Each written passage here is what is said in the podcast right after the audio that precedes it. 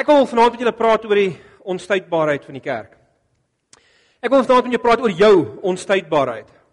Hoe onstuitbaar is jy in jou uitleef van jou geloof, in jou belewenis van die Here, in jou pursuit na 'n dieper community met die Here, na na 'n dieper verhouding met die Here. Ehm um, ons het al van tevore vir mekaar gesê, julle is al moeg daarvoor, maar is tog geweldig, dit bly my aangryp om daaraan te dink dat die vroeë kerk het In die eerste eeu het hulle 'n revolusie begin wat so geweldig was dat mense vandag nog daaroor stom staan. Vanoggend het ek vir party van julle genoem dat dat uh daar's 'n sosiologiese historikus wat gesê dat twee groot revolusies in die menslike geskiedenis plaasgevind. Die ene is toe die eerste mense begin boer het. Uh toe die eerste persoon opgehou het om nomadies te trek want dit 'n saadjie in die grond gegooi en gesien, "O, God, hier kom 'n boom op en ek kan eet hiervan of hier kom 'n plant op en jy weet ek kan hiervan gebruik." En rondom hierdie plase het begin om dorpies te ontstaan en stede het ontwikkel en 'n verstedeliking het begin plaasvind en dit was 'n hengse revolusie. En hy sê en ek is nie seker of hierdie oue Christen is nie, maar hy sê die tweede groot revolusie het ontstaan en groei van die vroeë kerk en die Christelike beweging. En hulle het hierdie ouens die die die voorstanders van die Christelike kerk was die disippels was eenvoudige mense. Die, lees Handelinge, lees die ander histories soos Eusebius in die 4de eeu na Christus. Sê vir ons dat dat ehm um, Hierdie ouens in die kerk begin was eenvoudige mense. Dit is regtig mense soos ek en jy. Hulle was nie baie bright nie, hulle was nie vreeslik slim nie. Hulle het later 'n paar slimmes opgetel langs die pad, dankie tog. Maar jy weet, hulle was nie dit, dit was nie 'n vreeslike great klomp mense noodwendig geweest nie, maar hulle het die wêreld verander. 200 na Christus was 80% van Klein-Asië Christelik. 300 na Christus was 2/3 van die ganse bekende wêreld Christelik. Die Grieke wat voorlopers was in denke en kritiese denke en filosofie het hulle filosofie verruil vir die Christelike geloof. Wat het gebeur? En ehm um, dit is waar ons hierdie week gaan stil staan. Nou ons gaan eintlik kyk in 'n groot mate by die strategie van die Heilige Gees. Die strategie van die vroeë kerk. Wat het hy in die harte geplaas van hierdie mense wat hy so kragtig gebruik het om die wêreld se ehm um, kragtigste beweging na vore te bring? Nou hierdie is 'n interessante ding. Ehm um, die kerk in die algemeen is 'n uh, veral hoofstroomkerke vaar nie goed nie. Ehm um, hulle, jy weet, 'n kerke maak toe, hoofstroomkerke sukkel geweldig in die FSA, die Presbyteriaanse kerke en die Methodiste kerke. Hierdie ouens struggle om kop bo water te hou in Suid-Afrika, die Hervormde kerk en die Dopperkerk en die NG Kerk, ons ook deel van ons denominasie. Uh gemeentes maak toe. Daar's 'n paar gemeentes wat baie gelukkig is, met wie dit baie goed gaan en wat baie wonderlike werk doen en wat en wat regtig mense vir die Here bereik. Maar wat maak die kerk dan onstuitbaar? Want die Here maak definitief party kerke toe. Lees Openbaring 2 en 3. Hy sê as julle nie julleself bekeer nie, gaan ek die lampstaander wegvat. So die Here maak sekere kerke toe. Nie die duiwel nie, by the way. Uh die Here sê vir ons in Matteus 16, die die poorte van die hel kan nie teen die kerk uh water hou nie. Die die kragte van buitekant af kan die kerk niks maak nie. Ons moet daai ding nogal 'n bietjie onder die knie kry ouens konsultante en mense wat na die kerk gaan kyk het, die beweging van die Here in in na gemeentes gaan kyk het en die hoe die koninkryk werk sê, weet wat, dis interessant. Daar's geen krag buite die kerk al is hy hoe antagonisties, hoe vyhandig kan die kerk skade doen. Die trouens wat sulke magte net doen, dit sit die kerk onder druk en dit suiwer die kerk om vir homself te sê wie hy is en wat sy mees fundamentele waardes is en dan in sulke omstandighede groei die kerk eintlik. Daar's geen mag buite die kerk wat die kerk kan sink nie. Al die kragte, want die kerk vaar steeds nie goed nie. Die hooflyn kerke. Al die kragte wat die kerk sink, is binne in die kerk. Dis wat konsultante vir ons sê. En dit maak eintlik heeltemal sin. Onenigheid in 'n gemeente. Of 'n uh, gebrek aan passie by die leiers of 'n um, 'n gebrek aan verstaan van wie God en van wie God is hoe die evangelie werk. Dis dinge binne die kerk wat die kerk laat vrot vaar. Ek weet nie of julle al bietjie daaraan gedink het nie. Kyk 'n bietjie na die Nuwe Testament. As Paulus praat met die gemeentes, dan hy sê nooit vir hulle moet worry oor wat buite aan die gang is nie. Trouens Handelinge vertel vir ons die storie hoe die kerk magte encounter het buite die kerk, maar dit het die die kerk het steeds grondgebied gewen en die, het steeds bly groei. Die Nuwe Testament veral kan jy maar gelees, die briewe sê Paulus altyd net vir die gemeentes, check binne in julle gemeente. Sort dit uit en julle sal groei. Julle sal die wêreld verander, julle sal 'n transformerende effek op die samelewing hê. So daarom wil ek vanaand begin met twee vrae want hierdie twee vrae die gesondheid van die kerk, die onstuitbaarheid van die kerk hang veral vir af, ekskuus veral af hoe elke individu binne 'n plaaslike gemeente of wat staan vir die Here hierdie twee vrae oor hom of haarself beantwoord. En die eerste een is dit: Watter soort mens wil jy graag wees? Daaroor het ons al 'n paar keer gepraat, begin van die jaar, laas jaar met Oosterlik Connect, ons die bedieningsleiers almal bymekaar gehad het, het ons hieroor gepraat. Ehm um, watter soort mens wil jy graag wees? Maar 'n tweede een wat ekskuus, voor ons miskien by die tweede een kom, hoe hierdie vraag beantwoord is baie belangrik. Wil jy graag iemand wees wat 'n verskil maak? Wil jy graag iemand wees wat ander mense help? Wil jy graag iemand wees wat liewer word vir die Here, wat groei in jou liefde vir God en vir mense? Wil jy graag iemand wees wat groei in jou vreugde? Want wat 'n soort mens jy wil wees, het 'n ingrypende impak op in watter tipe gemeente jy uiteindelik van deel gaan wees. Dis die eerste vraag. Die tweede ene is watter individu se lewe van die begin van die jaar af tot nou het omgekeer as gevolg van jou lewe. Met ander woorde, watter transformerende effek het jy op jou direkte omgewing? 'n Belangrike vraag om te vra. En dit bring ons vanaand by die by die eerste groot topik. Waarom maak baie kerke dit nie? Andersom gevra, wat het die eerste eeuse kerk gehad wat gemaak het dat jou die gees het dit net gebruik um en het van krag tot krag geneem, nie sonder sy probleme nie. Ons moet nooit dink die eerste 3 eeue uh, was die kerk sonder probleme nie. Hulle het groot issues gefees. Onvolwassenheid, weet bekleierery, allerlei goed, maar daar was 'n paar overriding goed wat wat als oorheers het. En vanaand praat ons net oor daai een ding, die eerste groot ding. En dit is passion. Die mense in die eerste eeu het passion gehad. Hulle het 'n passie gehad vir die Here en vir dit wat vir die Here uh, gestaan het. Nou, ons gaan vanaand dit so 'n bietjie unpack. Maar dis die een groot ding wat hulle as dit ware as onstuitbaar wat hulle uh wat hulle onstuitbaar gemaak het. Die ehm um, die kerk begin altyd degenereer wanneer individue in die kerk hulle passion verloor. As party van ons wat al jare lank in die kerk sit. Ons op 'n stadium was ons getroue lidmate, getrou bygewoon, ons het dinge gedoen, ons het mense by die werk bearbei. Want jy's 'n bietjie moeg geraak en jy voel ag jy bin dit dan dat jy weet ek het nou nie en dan verloor ons partykeer ons eerste liefde in die woorde van Openbaring 2. Ons verloor ons jy weet ek ek, ek word nou nie meer regtig saamgesleep deur nuwe oproepe van die stage af of of vir nuwe dinge wat ek lees in die Bybel. Ek het al gewoond geraak, jy weet die lewe gaan maar aan en niks verander regtig nie. Ag, dis so jammer mense wat hulle eerste liefde verloor. Mense wat hulle passion verloor. So ons gaan in hierdie hele week, skus tog. hierdie hele week gaan ons stil staan by een teksgedeelte.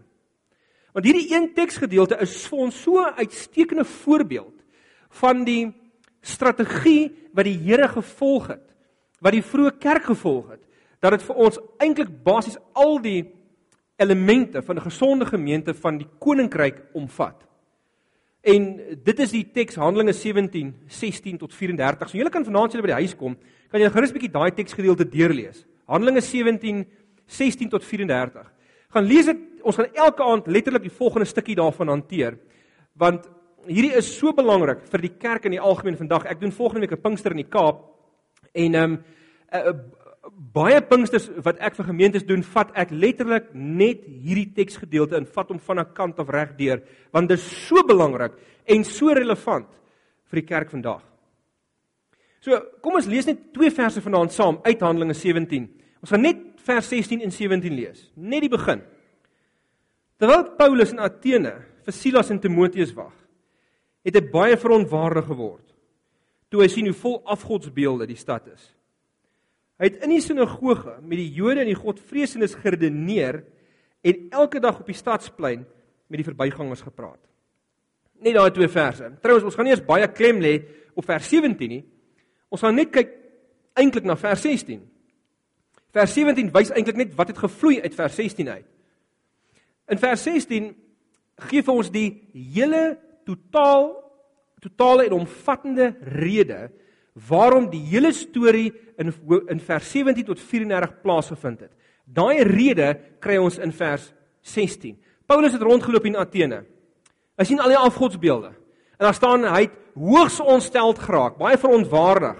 Hy het hoogs ontsteld geraak. Daar is min daar's min woorde in die Griekse taal wat dit so wat, wat so emosioneel belaaide woord is. Ek gaan net nou praat oor nog so een, die sterkste Griekse woord wat emosie betref. Maar hierdie een is miskien ook 'n kort tweede. Paroxunaitu.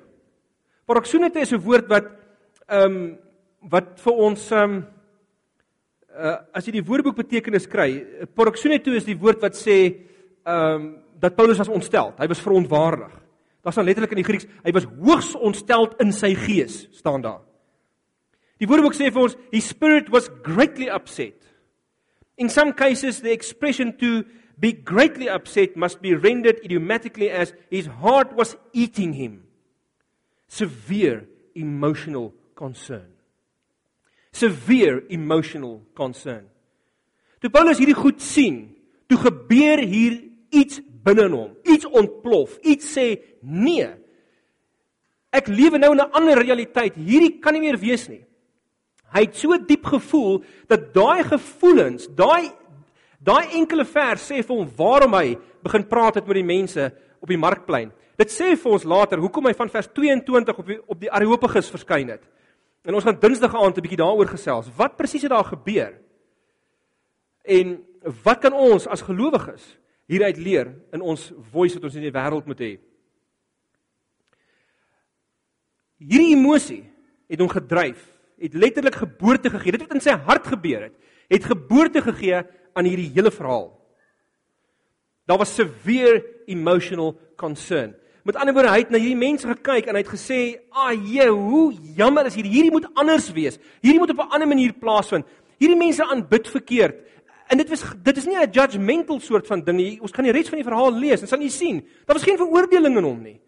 Hy het net geweet, wow, jy weet Jesus het gekom. Ah, dit kan nie meer so wees nie. Daar was 'n dit het 'n holy discontent in hom geskep by die sê die Engelse mense, 'n um 'n goeie, vir heilige um ontevredenheid met hoe omstandighede is en hy wil dit verander. Daar was hierdie dringendheid, hierdie dryfkrag in hom om te verander wat hy sien.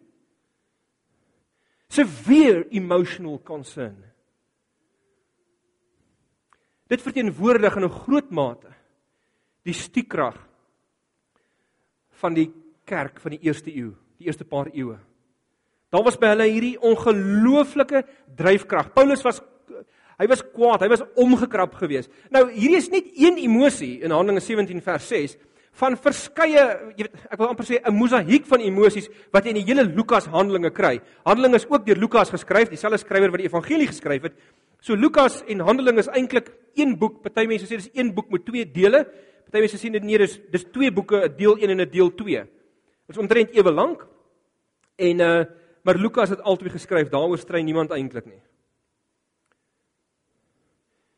Weet jy wat baie mense, baie gelowige mense weet wat hulle moet doen?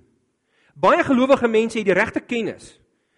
Baie gelowige mense weet um uh wat eintlik van hulle verwag word, maar soos een skrywer sê, hulle kom net nie oor die straat nie. Dit wat jy weet verander jou nie. Daar moet meer gebeur as net kopkennis. Die Gees moet jou gryp. Die Here moet jou onerg ongeërgde hart uitblik en vir jou hart gee wat nie meer anders kan as om te huil oor die wêreld nie, as om as om te huil oor dit wat wat ehm um, wat 'n onreg plaas het om kwaad te word oor dit wat gebeur. En kwaad te word nie in 'n nie in 'n vernietigende manier nie, maar in 'n tipe van ontsteltenis van, "Heng, ek wil graag hierdie mense die beste hê. Ek wil vir hulle die beste gee." Daarom is dit sleg dat ek hierdie goed sien soos wat ek dit sien. Nou, hierdie is so belangrik want in die eerste eeu en hulle is nou in Athene En Paulus praat onder andere met die Epikureërs en die Stoïsyne. Nou die Stoïsynse filosofie in Griekeland was baie baie gewild geweest tot nog in die 2de eeu na Christus. Eintlik 2de 3de eeu na Christus. Marcus Aurelius, ehm um, wat keiser was tot in 180 na Christus was ook 'n Stoïsynse filosoof. En eh, ehm um, vir hulle was hierdie goed baie belangrik. Nou die Stoïsyne was onder andere mense wat wat gesê het jy moet jou emosie onderdruk. Jy moenie sommer emosie wys nie. Trouwens, hulle het gesê, as jou kind na jou toe kom, jy, jou klein seentjie of dogtertjie, En hulle kom klop op jou skoot en dan sê pappa, pappa, ek is lief vir jou. Maar moet jy nie jouself te veel emosioneel verbind met jou kind nie. Sit jy jy kan op die op die kop tik en sê dis goed so my seun. Moet jy jouself nie te veel verbind aan hulle nie, want hulle kan doodgaan en wat maak jy dan? Moenie jou emosie wys nie. Leer mense om om noble burgers te wees deur deur nie te veel emosioneel te raak nie en deur nie te veel emosie te wys nie. Nou moet jy sê die evangelie kom skiet hierdie idee in die kop.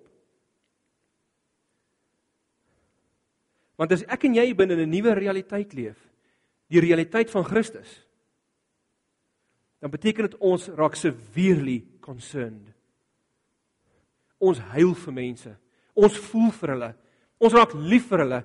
Wanneer ons mense in die dood afstaan en breek dit ons. Ons dit dit dit dit dit breek nie ons ons hele siel uitmekaar uit nie want ons ons ly met hoop en ons rou met hoop. Ek het Vrydag 'n begrafnis in hierdie gebou gedoen en dit is my ongelooflik om te kon sien dit mense was hartseer maar maar daar was nie 'n finaliteit aan die dood nie. Daar daar daar was nie 'n vernietigende belewenis van die dood nie. Daar daar is met rou en selfs met humor. Ekskuus met met ehm um, hoop en met humor gerou Vrydag.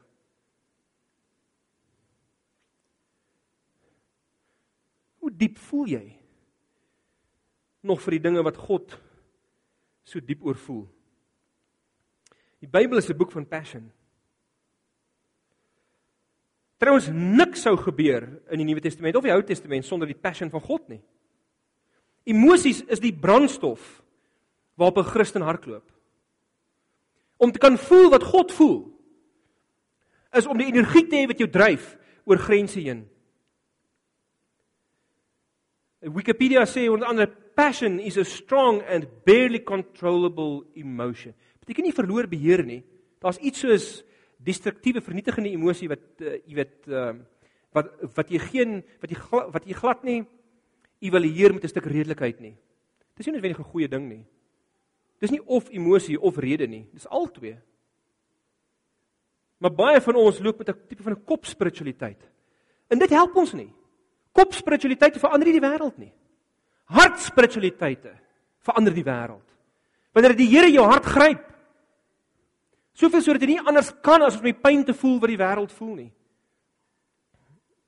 Nou Paulus gebruik hierdie woord paraksune toe hy was geweldig ontstel. Maar as jy Lukas en Handelinge langs mekaar sit, dan sien jy in hierdie twee boeke dit dit dit geld vir die res van die Bybel ook. Maar in hierdie twee boeke is daar drie hoofgroepe emosies wat ehm um, wat wat wat overriding is. Die eerste een is verwondering. Ek gaan nie te veel daarop klem nie, want ons het laas jaar 'n reeks gehad oor verwondering wat ontsaglik belangrik is.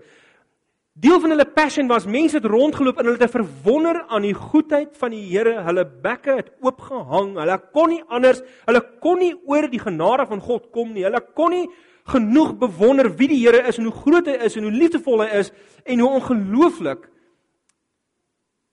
wat wat 'n ongelooflike betekenis hy vir mense in hulle lewens te bring nie. Ons sien dit reg in die Lukas Evangelie dat die skares was gedurig het hulle self verwonder, was verbaas oor wat hulle gesien het. Hulle het God geprys oor wat hulle gesien het. Tot Jesus was verwonderd in hoofstuk 7. Omdat hy die geloof gesien het, hy het gesê uh, uh, daar staan Jesus was verwonderd want hy so geloof het hy nog nooit in Israel gesien nie. Die Here kan homself verwonder oor my en jou geloof, het jy dit geweet? Daar was 'n stuk verwondering gewees. Die tweede groep emosies was ontsteltenis, woede en hartseer. Nou ontsteltenis, woede en hartseer is nie noodwendig negatiewe emosies nie. Want onthou net 'n mens raak kwaad of 'n mens raak ontsteld oor dit waar hy besorgd is. Ons het nou die oggend vir mekaar gesê, ons raak die kwaadste soms vir ons familielede, vir wie ons die liefste is, of ons vriende, vir wie ons die liefste is. Vriende wat uh, jy so baie voorvoel, want hulle maak so droog en hulle vernietig hulle self en hulle vernietig die mense om hulle. En die derde enetjie is compassion. En ek bedoel, jy kan nou 'n klomp ander goed insit, vreugde en jy weet vrede en allerlei goeders is hier iewers te vind in hierdie drie hoofgroepe. Compassion wat wat dalk die samevlansing is van genade en liefde. Ehm, um, ekskuus, miskien kan ons dalk net 'n bietjie terug aan 'n ontsteltenis doen. Oh, ons sien dit natuurlik hierso in Handelinge 17 vers 16 Paulus was ontstel. Net 'n paar hoofstukke vroeër in in Handelinge 14 is hulle daar in Lystra. En Paulus en Barnabas bring hulle die evangelie en hierdie mense vertolk dit verkeerd. Hulle dog hulle dog Paulus is ehm uh, is Apollos en en en dinge is ehm um, Barnabas is Hermes. Die Olimpiese gode. En Paulus is so ontstel toe hy skeer soms sy klere en hy gaan te kere, jy weet. Ehm um, uh, dis al dis emosionele reaksie. Hy wil dit wil dit tuis bring dat nee, nee, jy kan dit nie so sien nie. Dink reg oor die goeders. Dink reg oor die Here. Ehm um, herëvalueer wat jy nou doen en sê. Hierso reageer hy anders in Handelinge 17 met hier praat hy met intellektuele mense. En hy voel steeds daai emosie. Maar hy gedra homself heeltemal anderster.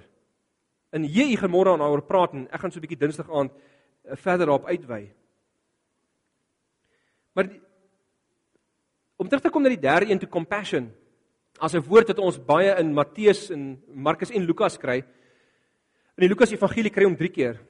Uh die julle wat aan roet bygewoon het sal nou so 'n bietjie daarvan weet. Daar's een Griekse woord wat jy maar uit jou kop uit kan leer en daar's nie Afrikaanse vertaling vir hom nie. En dit is splag nie so mooi. Sê gou agter my aan splag nie so mooi.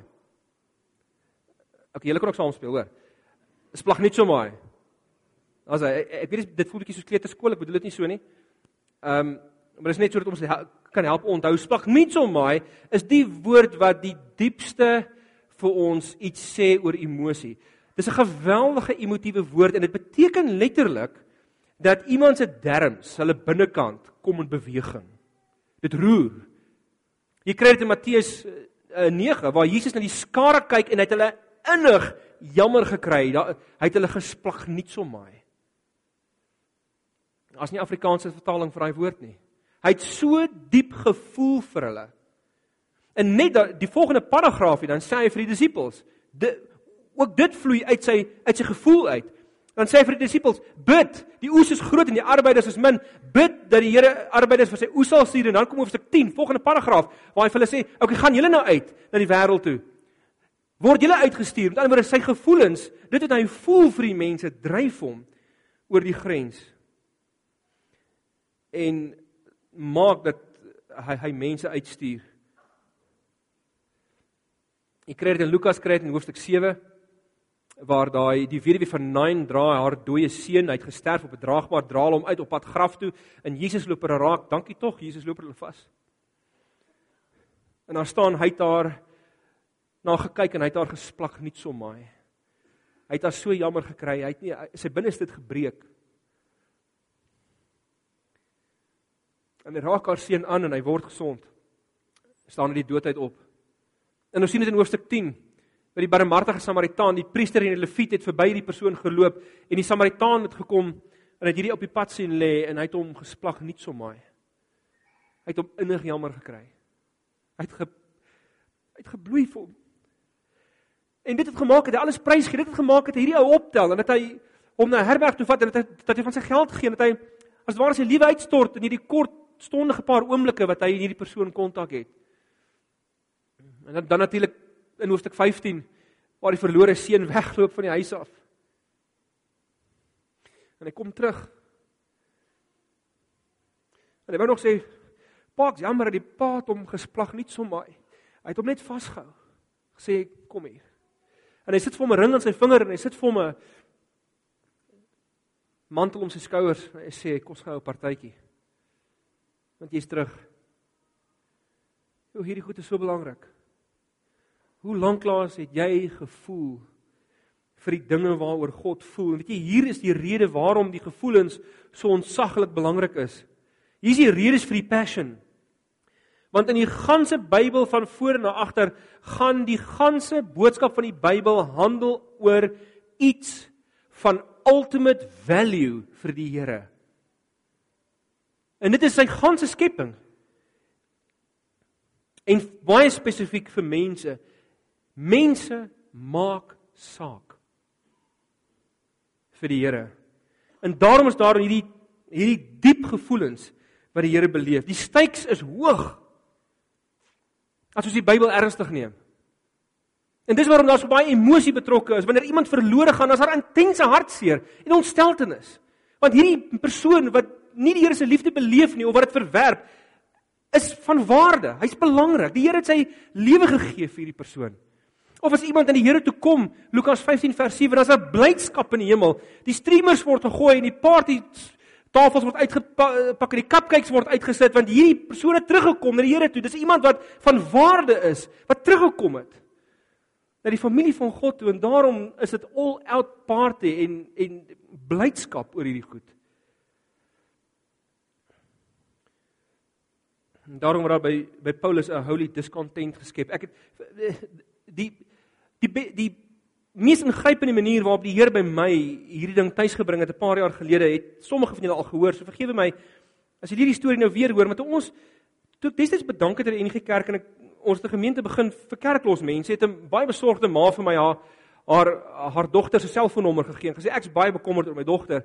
Sy uh ken nie die Here nie en sy bly saam met 'n ou en en en uh um, Rudolf, hier's 'n nommer, jy weet as jy jy weet ek het hulle glad nie geken nie, maar sy het vir my gesê as jy jou weg oop sien, jy weet, doen iets asseblief. Um En uiteindelik lank storie kort toe bel ek haar en ek het gewonder hoe gaan ek hierdie storie spin want ek bedoel ek wil nou nie vir haar sê hoor jy maat gesê ek met jou kom regryk of jy weet uh, maar ek het maar vir gesê man uh, hallo ek's Rudolf en ek uh, kan ek vanaand by julle kom kuier jy weet en um, en ek en sy was so half ehm um, um, hoekom wie's jy en, en ek dink toe okay en ek sê vir ekskuus man ek's 'n predikant en ons het pas 'n gemeente begin vir mense wat die Here glad nie ken nie en ek het gehoor julle woon nie eintlik kerk by nie en Ek het gewonder, miskien kan julle my help. Ek sou graag wil weet wat julle sou doen in my plek as julle ek was, as julle 'n kerk moes begin vir mense soos julle en julle vriende. Jy weet, en sy sê rukkie stil sê, ehm um, ja, nee, jy jy kan maar kom, ehm um, Onthou net ek en my ou bly saam. Ek sê ja, okay, dis fyn as hoef jy daar te praat as jy nie wil nie. En ek en sy sê nee, okay, maar dis fyn, ek kan kom. Ek kan nie vanaand kom. Ek sê ja, ek en ek daag toe die aand daarop, dit was 'n Woensdag aand. En ek kom daaraan en En ehm um, haar kerel is toe ook daar. Huge ou. Ehm um, hy's 'n bouncer in 'n klub. En maar baie vriendelik nooi my in en en en ek gaan sit by hulle en ek sê vir hulle man dank, dankie vir hulle gasvryheid en ek ek wil ek ek, ek wil regtig baie hoor of hulle my kan help en ek was eer, ek was eerlik daaroor. Ek het pas 'n nuwe gemeente begin en ek het nie geweet hoe dit drommel is wat om te maak nie. Jy weet dit, dit weet ek doen partykeer sulke goed. Ek voeter 'n ding in en dan kom ek agter o, gits. Nee, ek het 'n klou wat ek nou doen nie. Ehm um, Jy weet, en dan bid ek maar so, Here, um, ek ek hoop hierdie was u idee gewees. Maar as dit nie was nie, sal u dit sou adopt. Asseblief, as u eie idee. Ehm um, in 'n geval, die Here het nog altyd dit dit geander en ek sê toe vir hulle, wat sê julle doen as julle in my skoene was? Hoe sou julle gemeente begin vir mense soos julle? En die ou kon nie glo dat ek sy opinie vra nie.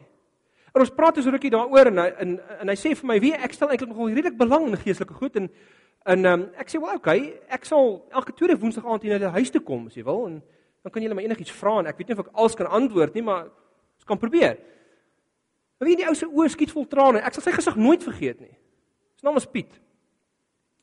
Sy oë skiet vol trane. Hy sê vir my, "Is jy is jy regtig bereid om dit te doen?" Ek sê vir hom, "Weet jy hoe waardevol is jy vir die Here?" Natuurlik sal ek dit doen. Hy sê okay, maar ons het 'n paar probleme want ons hang toe daar om sy kroeg heen. Hy het whisky wat so klink klink in sy glasie en jy weet en sê hy sê soos jy kan sien, ons het nie 'n ons het nie 'n sitkamer nie, ons maar hier in die kroegie sit in Bybelstudio. Ek sê ek sê ek sê ek seker is okay. Hy sê 'n ander ding is, um ek het vriende wat hier sal wil wees. Kan hulle maar kom? Ek sê, "Jessie, dis jou partytjie. Jy weet, jy nooi wie jy wil." En so begin ons die volgende Woensdag aand. 13 van ons. Net een koppel is getroud. Al die res Julle wil nie weet nie. En uiteindelik na so ruk kom ons by die punt waar uh ons begin praat oor saambly. Hulle vra toe die vraag. Jy weet, hoe werk die saambleiery? So ek sê, "Wel, kom ons kyk gou na 'n paar tekste in die Bybel." En ek vat hulle toe deur so 'n paar en ek sê, "Oké, okay, so as julle die regte ding wil doen, moet julle trou of een van julle twee moet uittrek." Hm, Piet sê so en kyk. Hy sê okay. Hy sê ek kyk so 'n bietjie na Mandy, sy meisie, kyk na my terug en hy sê okay. Ehm um, ek guess dan moet jy ons maar trou. En so uh toe die ander in die aand weg is, ek gaan ek sê vir elke aand daai ons weggery het, dan ek gebid want party van hulle het redelik geswaai daar uitgestap vir weke lank en dan bid ek net Here, bewaar net vir Frans asseblief. Laat hy by die huis uitkom. Ek bedoel lewendig uitkom. En uh toe die ander in die aand waai toe sê hy laat ek gou my pa bel en tref ons sommer 'n paar reëlings want ek wil op my pa se plaas trou. Ek sien dit klink goed. En hy sê Uh, nou hoor hy se pa argumenteer so oor die foon later. Sy pa is obviously baie bly ek kan dit hoor, maar op 'n stadium argumenteer hulle vreeslik oor die ding. En hy sê vir sy pa iets soos: "Want pa, pa ek bring my eie een." Okay? En dan waarvan praat hy nou? Sit later die foon neer. Ek vra vir hom: "Waaroor het julle so gestry? Hoe wat het jy bedoel toe jy gesê het pa, ek bring my eie een?" Hy sê nie my pa het vir gesê, "Watter predikant sal jou nou wil trou?" Jy weet, jy was kilometers lank in die kerk gewees. Toe sê ek net vir hom: "Pa, moenie worry nie, ek bring my eie predikant." Maar wat ek toe nie geweet het nie is ek het geweet Mandy se ouers was gelowig, maar ek het nie geweet Piet se ouers was net so gelowig. En hulle bid al jare lank vir hulle seun. Ek maak hierdie storie nou baie kort, maar ons kom tot die dag daaraan. Hy sê vir my ek moet informeel aantrek soos wat ek weet regtig informeel. Hy sê woorde was ek moenie soos 'n dominee lyk nie. Ons kom op die plaas aan. Oral staan ons gesirkeltjies mense wat saam kuier en almal drink drankies en almal is halfpad geslaas en jy weet, party is halfpad oukei, okay, jy weet. En ek join so 'n groepie wat ek nie eintlik die mense ken nie en die een ou ou aan my linkerkant is Tini. Hy sê vir my uh, uh hy stel sy wat ek toe dink is sy vrou, stel hy my voor, ek doen is sy meisie Caroline. En ehm um, En Tini is vreeslik kokkie, hy soort van die hartswors van die groep, jy weet, maak arge grappe als onder die beld, jy weet, baie snaaks, maar weet als onder die beld. Ag en uiteindelik ehm um, en hy vloek soos 'n matroos. Anyway, langs deur die kort ons gaan toe in die skure en doen die seremonie. Tini het toe nie geweet ek was die predikant nie, so toe ek opkom om die seremonie te doen, dis hy gone. Ek kon hom omtrent nie gesien ek, ek kon hom nie sien nie.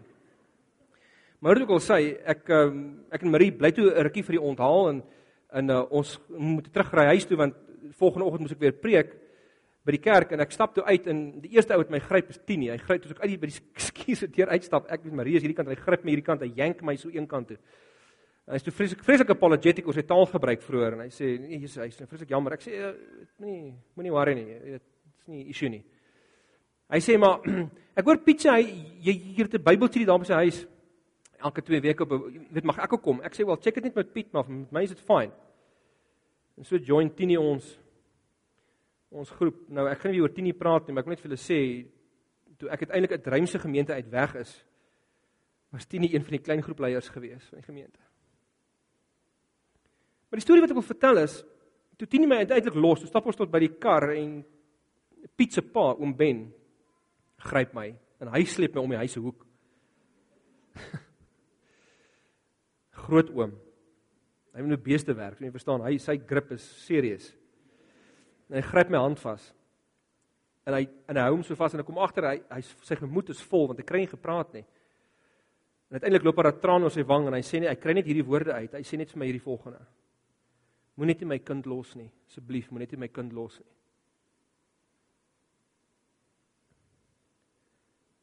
En ek klim in die kar en ek sê vir my vrou deur 'n waas van trane, sê ek vir haar ek weet nie of ek nou kan ry nie, maar ek het pas die Here se liefde beleef deur die hart van 'n pa. Hoekom? Want vir daai pa vir oom Ben was sy seun van onskatbare waarde. Hy was verlore en hy's gevind. En dit het iets in my in die brand gesteek wat tot vandag toe nooit weer nooit weer reg gaan lê het nie. En is hierdie soort van passion wat die eerste Christene gehad het, mense wat wat nie oor die liefde van God kon kom nie. Wat nie kon kom oor die feit hoe lief God mense het en hoe lief die Here hulle self het. En iemand het eendag vir Tony en Paulo gevra oor hierdie ding van passion. Wat is hoekom vaar die kerk nie altyd so goed nie? En hy sê toe die volgende, hy sê we're caught up in a particular stage in our uh, national ethos in which we are not only materialistic but worse than that, we've become emotionally dead as a people. We don't sing, we don't dance, we don't even commit sin with very, very much enthusiasm. Kierkegaard said men will die not from sin but from lack of passion. Deadness is everywhere. High schools are apathetic, colleges are apathetic. I mean everyone's gone to sleep. So Paulus het hierdie holy discontent, hierdie hierdie hierdie goddelike eh, verontwaardiging en onvergenoegdheid toe hy hierdie goed sien want Dit tref hom wanneer mense verkeerd aanbid, nie omdat hy judgmental wil wees nie, maar omdat hy die beste wil hê vir hulle. En hy weet hier's iets meer, hier's iets beter as dit. En daarom is mense met passion is mense wat sê ek moet eenvoudig groei as 'n mens ter wille van die wêreld om my. Want dis hoe die Here die wêreld transformeer.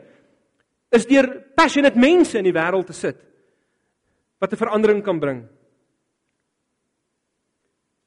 Die Here verander die wêreld deur volgelinge te maak van almal. Dis iemand wat daarom sê ek sal elke dag intentioneel groei en ek sal my karakter en my vermoëns ontwikkel.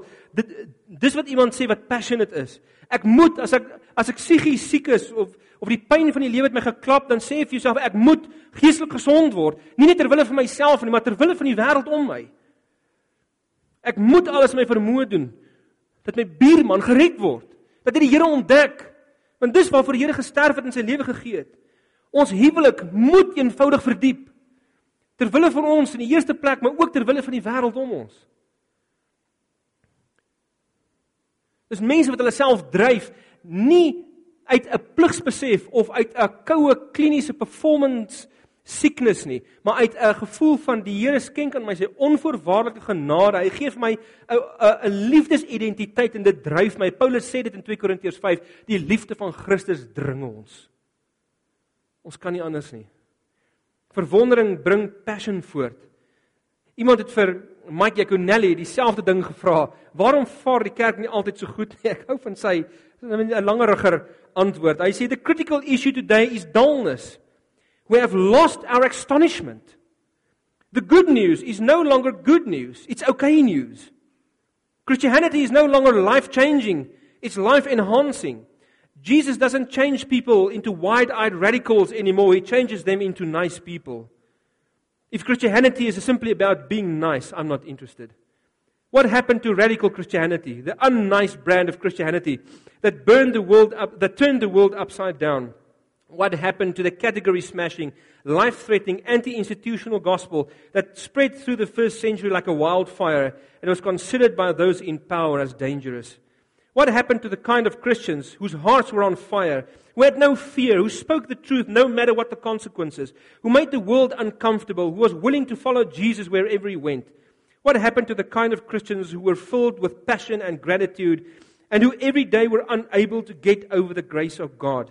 I'm ready for a Christianity that ruins my life, that captures my heart and makes me uncomfortable.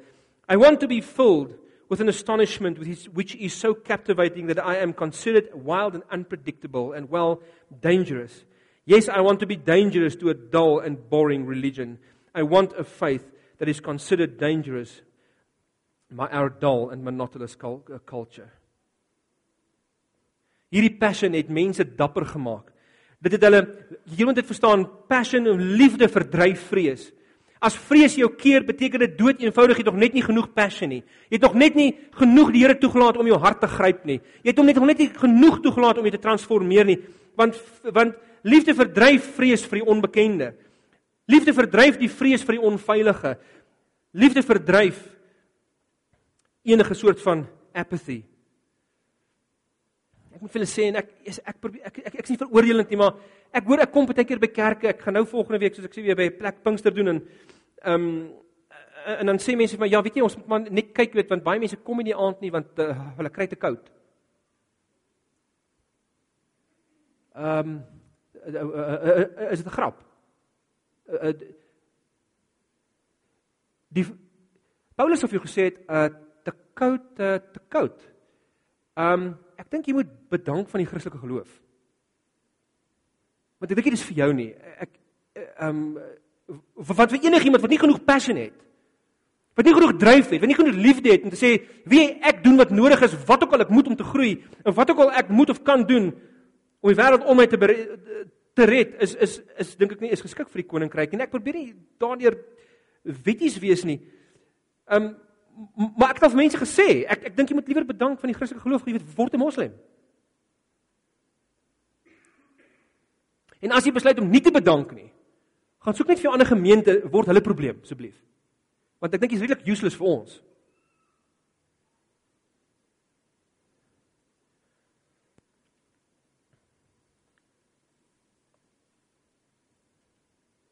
Hierdie lewe het die het die Heilige Gees jou hart gevange geneem. Bloei jy vir mense? Is jy onstuitbaar in jou liefde vir die Here en jou pursuit? In jou agtervolging van die Here? Persoe jy om met als in jou?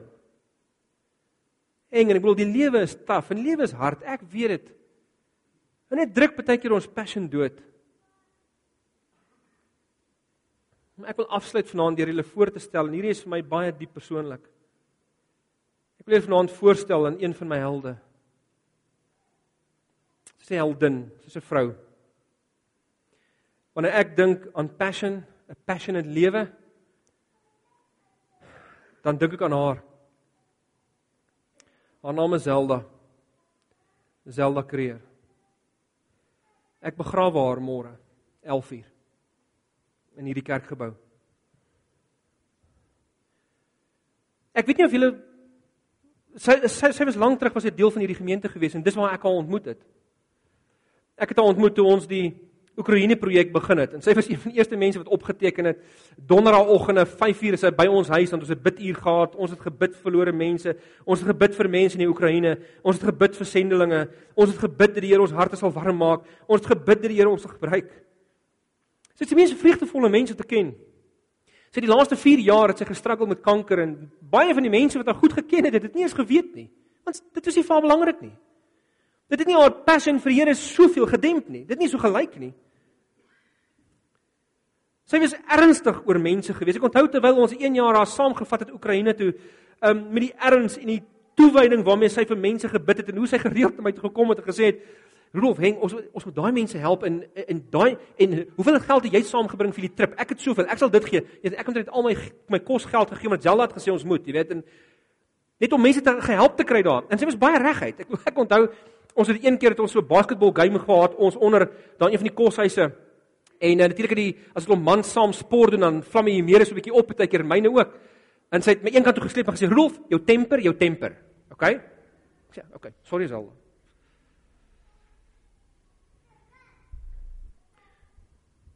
Sy het 'n baie goeie vriend. Hulle het vriende geword toe sy hom ontmoet het. Hy het nie heenkome gehad nie. Toe neem sy hom in 'n huis in. Alleen in die flat waar sy bly.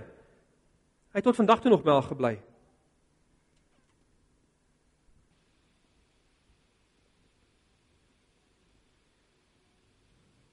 Sy het mense gedien op 'n manier soos jy nie sal glo nie.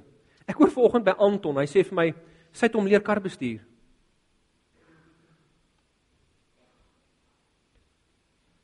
Ek onthou as jy kan gerus 'n bietjie gaan kyk op Facebook. Die goeie wat oor haar gesê word. Die die die, die mees ongelooflike klomp goed, maar Frans van Mulder wat ook deel van hierdie gemeente was, stuur vir my hierdie goed. Hy sê hy het gehoor van Zelda. En toe 'n bietjie gaan kyk na die SMS'e wat hulle van tevore vir mekaar gestuur het en sê hy vir my hoe sy hom bemoedig het langs die pad. Hier is een van die goed wat sy vir hom gestuur het wat 'n permanente effek op hom gehad het. Sy sê, "Sjoe, die Here is amazing, né? Nee, wat 'n wonderlike gevoel om te weet jy is waar jy moet wees en besig om te doen vir wat jy geroep is." En uitroeptekens self kon uitroeptekens gebruik. Jo. Glo jy in jou familie jy is 'n blessing daar waar jy is. Dis nou in die Kaap.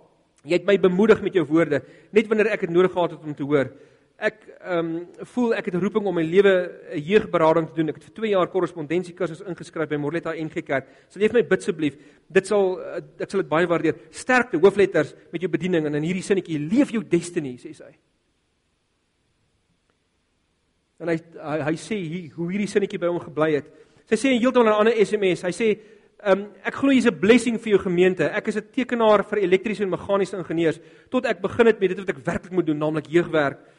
As jy weet van jeugorganisasies wat vrywilligers soek in Pretoria, laat my weet. Sy was altyd net gewillig om nog te help, nog te doen, meer te doen. Sy sê op 'n volgende SMS, sommer net 'n heeltemal 'n ander ene. Jy moet 'n goeie week hê. Hoop jy raak baie lewens aan. Dis wat haar dis wat haar gedagtes oorheers het. 'n Ander keer sê sy mag dit 'n stunning jaar vir jou wees. Mag jy op nuwe avonture gaan met die Here. Dit was die goed wat Zelda se lewe oorheers het.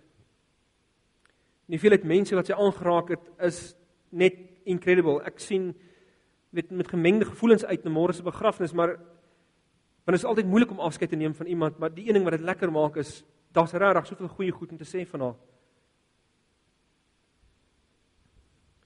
Ek wil vanaand net vir hierdie vraag vra. Het jy nodig dat die Here jou vuur weer aan die brand steek? Het jy nodig dat die Here jou hart van klip uithaal al sê jy is al lank al 'n kind van die Here of wat ook al? Ek glo jou as jy dit sê. Ek struggle baie keer met dieselfde. Word jy nodig dat die Here jou hart van klip uitdruk en regtig vir jou hart van vlees gee, hart wat kan voel? 'n hart wat wat kan huil saam met mense en 'n hart wat kan opgewonde raak oor mense wat die Here leer ken en 'n hart wat kan opgewonde maak raak oor wat in 'n gemeente gebeur. 'n Hart wat opgewonde raak oor wanneer hulle anders kleurige mense sien omdat hulle omdat hulle wil bru bou tussen sulke mense. Hierdie is die een ding wat die vroeë kerk gehad het. Passion. Ek wil vir julle sê ek het daar's net een ding wat jy kan doen of net een plek waar jy behoort te begin. En dit is om regtig en ek wil nie simplisties klink nie. Ek het die Here dit gevra en hy het my dink ek ontmoet sover hy kon. Ek ek vra dit ook steeds elke dag vir hom. Ek het vir hom gesê op 'n stadium in my lewe, Here, ek het die gawe van evangelisasie, maar ek het nie hart vir verlore mense nie. Geef vir my 'n hart vir verlore mense. Geef vir my 'n hart vir die wêreld. En ek wil nie dramaties wees of ek wil nie melodramaties wees en ek wou verseker ook nie oor emosioneel wees oor nonsens nie, maar ek het ek het hom gevra, Here, U het gehuil oor Jerusalem. Help my om te huil oor mense. En ek wil julle vanaand challenge om hierdie gevaarlike gebed saam met my te bid. Maak my lewe nuut. So ek wil vir julle vra dat ons hierdie gebed vir onsself kan bid. Ek wil vra kom ons maak ons oë toe. Net daar waar ons sit.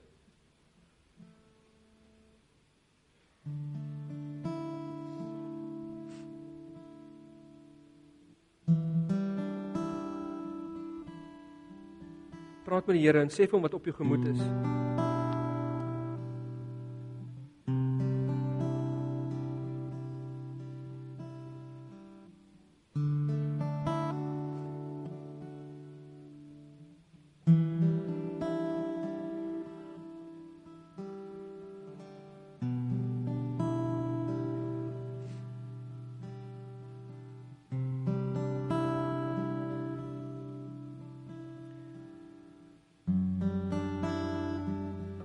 Here gee ons die passion wat U het vir hierdie wêreld. Help ons om die pyn van hierdie wêreld saam met U te dra. Help ons om ons kruis op te neem. Help ons om dit met blydskap te doen. Here gee ons die joy, die vreugde en die compassion, die splag nie sommer, Here, die passie vir verlore mensdom. vir mekaar. U het ons familie gemaak van mekaar. Here so vestig hierdie passion binne in elkeen van ons asseblief. Here begin vanaand. Raak ons lewens aan.